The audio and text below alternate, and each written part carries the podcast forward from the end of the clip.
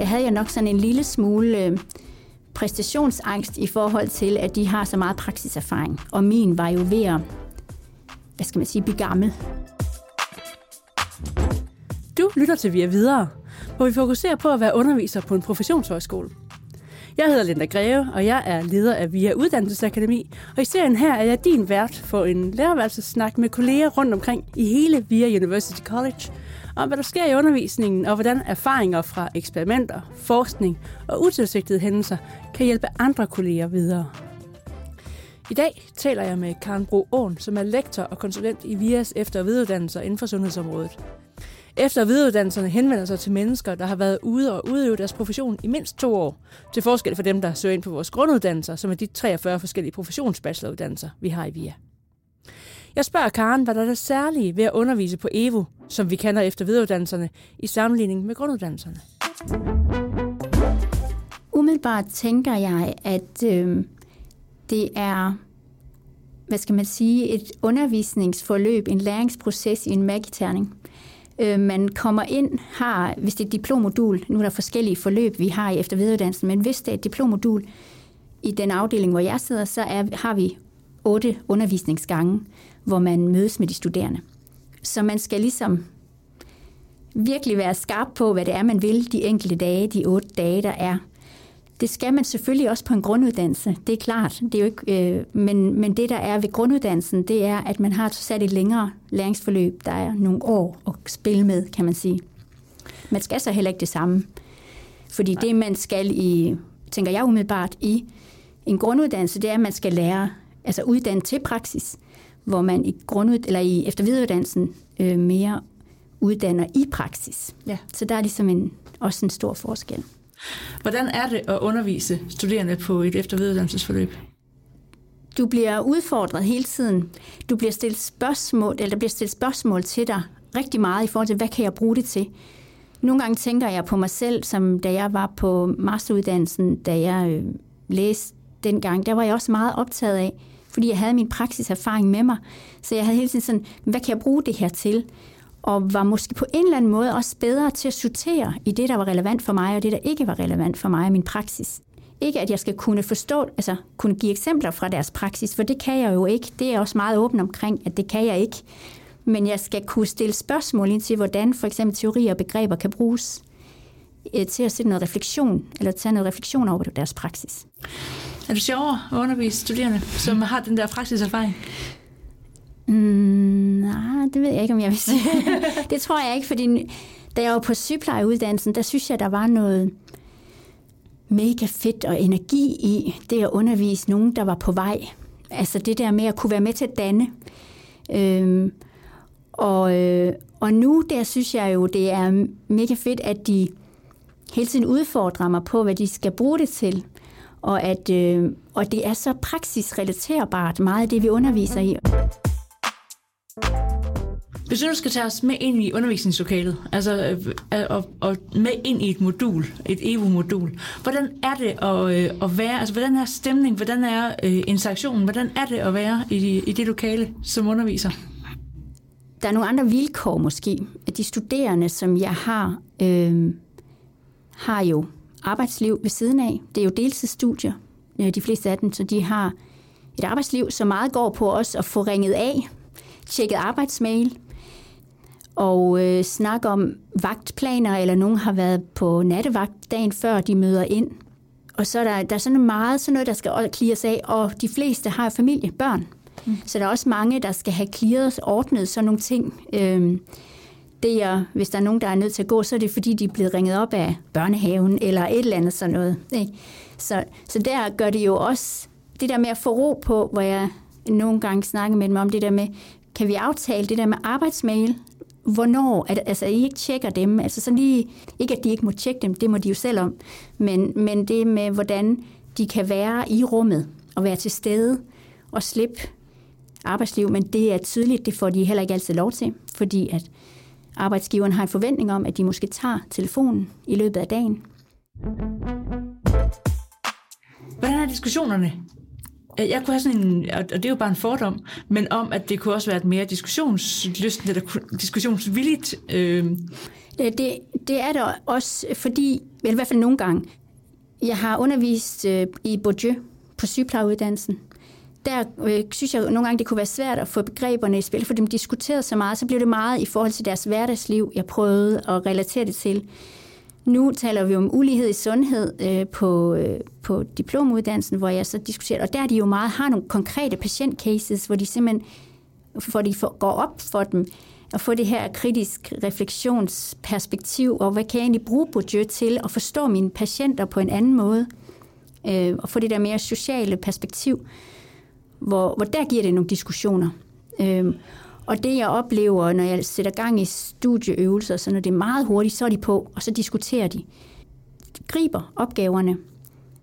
Så vil man kunne sige, at, at de EVO-studerende i virkeligheden måske formår at forstå teorier, for eksempel Bourdieu, altså gennem deres praksis, i stedet for, at det bliver den anden vej, at vi først forstår teorien, og så prøver at gå ud og applicere den. Ja. Men at de faktisk kan se, når der er faktisk Bourdieu i min hverdag. Mm. Ja, og det, det er det, de kan, fordi det, der er sådan lidt sjovt, når jeg øh, har haft studerende på diplommoduler, så kan de godt sige, det er jo ikke fordi, der lige måske var noget nyt her, altså ny teori, hvis man har en forventning om Bourdieu, hvorfor skal vi have en Bourdieu? Det kan jeg godt få sådan et spørgsmål. Ham, havde jeg, ham har jeg jo haft om på grunduddannelsen, hvorfor skal jeg have det igen?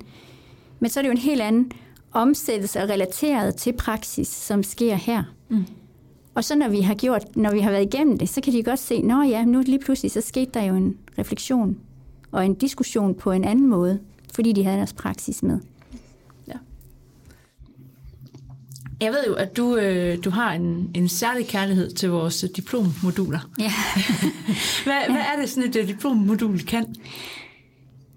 Jo, diplommoduler har en, sådan en, en det, man skal på diplommoduler, det har, der er jo også nogle andre videns-, færdigheds- og kompetencemål. Altså det er meget udviklingsorienteret. Man skal udvikle praksis. Og det synes jeg er ret interessant. Så mange af vores opgaver, eksamener og studieøvelser handler hele tiden om, hvordan kan du bruge det her og udvikle din praksis og forstå praksis på en ny måde. Øh, sådan så man hele tiden gør det meget hverdagsrelateret i forhold til de arbejdsopgaver, de har. Nu har du selv en masteruddannelse. Ja. Hvad, hvad tænker du, hvad er, øh, hvis du nu skulle sammenligne øh, den masteruddannelse, du tog med, med de øh, diplomuddannelser, du underviser på, hvad er så, øh, hvad er så forskellene? Jeg synes nu også, egentlig også, at masteren var ret praksisrettet. Ja. Ikke? Jo. Øhm, men, men det, der er anderledes her, det er, at vi arbejder konkret meget, tager udgangspunkt i nogle studieøvelser, hvor det er praksisnært, og hvor vi skal have, de skal tage cases med fra praksis, eller de skal udvikle noget i praksis. Mm.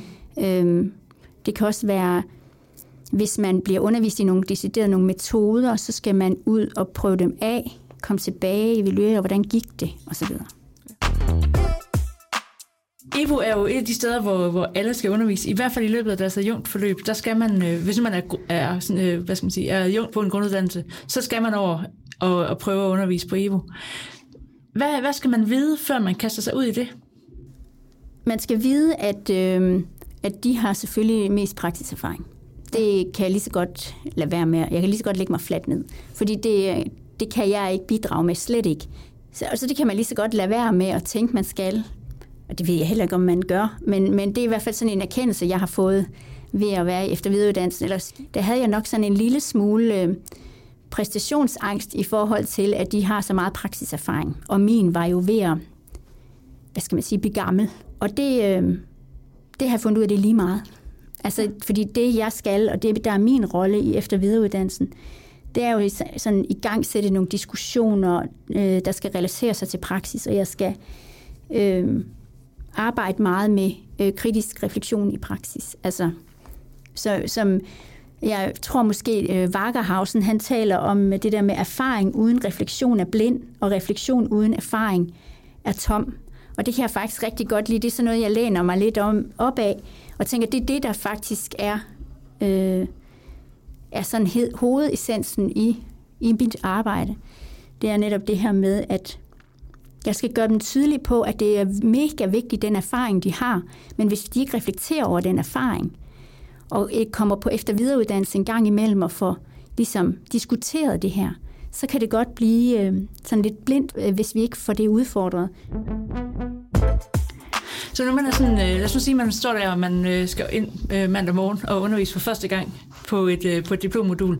Hvordan, øh, og, og måske kunne jeg forestille mig, at man kommer til så at føle sig øh, afmaskeret. Altså at man kan komme til at føle, jamen, hvad, hvad er min funktion som underviser? Hvis, hvis jeg ikke er den, der ved mest på alle parametre. Og du siger jo selv, at hvis man underviser ind i EVO, ja, så, så er der et parameter, hvor man næsten helt sikkert ved mindst, nemlig praksis. Altså, hvordan er man underviser ind i det? Hvordan, øh, hvordan er, bevarer du din, hvad skal man sige, din underviserautoritet i det rum? Meget af min undervisning handler om at inddrage deres perspektiver fra praksis. Det bruger jeg rigtig meget. Så der skal man have en lidt anden rolle, fordi det hele tiden skal sættes i forhold til praksis, tænker jeg. Men der kan jo også være nogle tidspunkter, hvor man skal have, altså først have forståelsen, som hvor der kan være et, et langt perspektiv, eller et lang, ikke perspektiv, men et, et længere forløb, hvor man faktisk skal forklare noget. Og der kan jeg godt mærke, hvad der kan være anderledes det er, at de er praktikere. Så det der med at skulle komme på skolebænken, hvis man skal sige det sådan, og sidde fladt en hel dag og modtage undervisning, det er bare, det er de bare ikke vant til, eller mange af dem er ikke. Så de bliver trætte og bliver restløse, hvis ikke man har nogle skift og nogle forandre, ikke for lange sessioner af gangen, nogle pauser, nogle, altså der, der skal være noget afveksling i undervisningen. Og det skal man nok være villig til som underviser at kunne øh, skifte lidt hele tiden og være klar til, okay, nu kan jeg faktisk se, altså jeg har, altså det der med at opleve, at en studerende har været på nattevagt, og så kommer de øh, stort set direkte ind, det er jo klart, at de kan holde til det. Men man kan jo heller ikke altid øh, tage hensyn til det, men man er jo nødt til det alligevel. Øh, så det er noget med at afveksle, tror jeg. Og det, man kan sige, det, det er jo sådan set et godt råd til alle undervisere. Altså, det er jo et godt didaktisk råd. Jeg tror, Eva har lige udgivet en helt lang rapport om, at det absolut vigtigste, vi kan gøre som, som undervisere, det er at variere vores undervisning. Ja. Det er det, der har den største effekt. Det ja. er, at vi sørger for hele tiden at lave noget andet, eller ikke hele tiden, mm. men med en vis frekvens, og lave noget andet, end vi lavede lige før. Ja. Fordi det er det, der gør, at, øh, at vores studerende også kan skelne de mm. forskellige segmenter fra hinanden, at det ikke var endnu et slide deck, men ja. nå ja, det var det, der vi arbejdede med, da vi sad i grupper, og nå ja, det var der, hvor vi var henne og tegne, eller det var det, ja. der vi lavede som rollespil, eller hvad ja. man nu kan finde på. Er der nogle spørgsmål, man skal stille sig selv, før man, øh, før man søger job som underviser på, øh, på efter- og Jeg tænker tit over det, når jeg forbereder undervisning. Det er sådan hele tiden, hvordan kan jeg inddrage praksis, altså uden at kende den. Ja. Ikke? Altså, men hvordan kan jeg stille spørgsmål ind til det? Så det skaber nogle diskussioner, noget refleksion. Det der egentlig er, det er fordi, at de studerende kommer jo tilbage med den der tilbagemelding med, at jamen, det her har jeg jo haft før. Men det studerende jævnligt nævner, det er, at nu har de lige pludselig lært noget om det, jeg går og gør. Altså fået nogle perspektiver på til at udvikle min praksis. Og så kan man jo ikke blive mere øh, høj. Altså, og der får man også en ret, som underviser, en ret klar og tydelig tilbagemelding fra de studerende. De giver meget tydeligere tilbagemelding, og man får at vide, hvis det er godt, og man får også at vide, hvis det er skidt. Men når de så kommer og siger, øh, det der, du, de der perspektiver, vi fik på, det gav mig virkelig noget til at give mig en, nogle overvejelser i forhold til min praksis. Så kan man jo næsten ikke ønske sig mere, fordi så kan det forhåbentlig skabe en forandring i praksis, eller give nogle, en højere eller en anden kvalitet i praksis, som jo til sidst ende gavner borgerne eller patienterne. Ikke? Og det er jo det, man ligesom, eller vi er der for. Tusind tak, Karen, for at fortælle, hvordan øh, det er at undervise studerende, der allerede har været ude på arbejdsmarkedet. Vi har lagt links til VIAs efter videreuddannelser, hvor du kan læse mere om de mange diplomuddannelser, du kan tilmelde dig, uanset om du har en professionsuddannelse eller ej. I næste episode snakker jeg med Uri Kranert, som vil fortælle, hvordan han arbejder med vejledning af sine studerende på The Animation Workshop. Redaktør og producer er Rikke Godfredsen. Vi høres ved.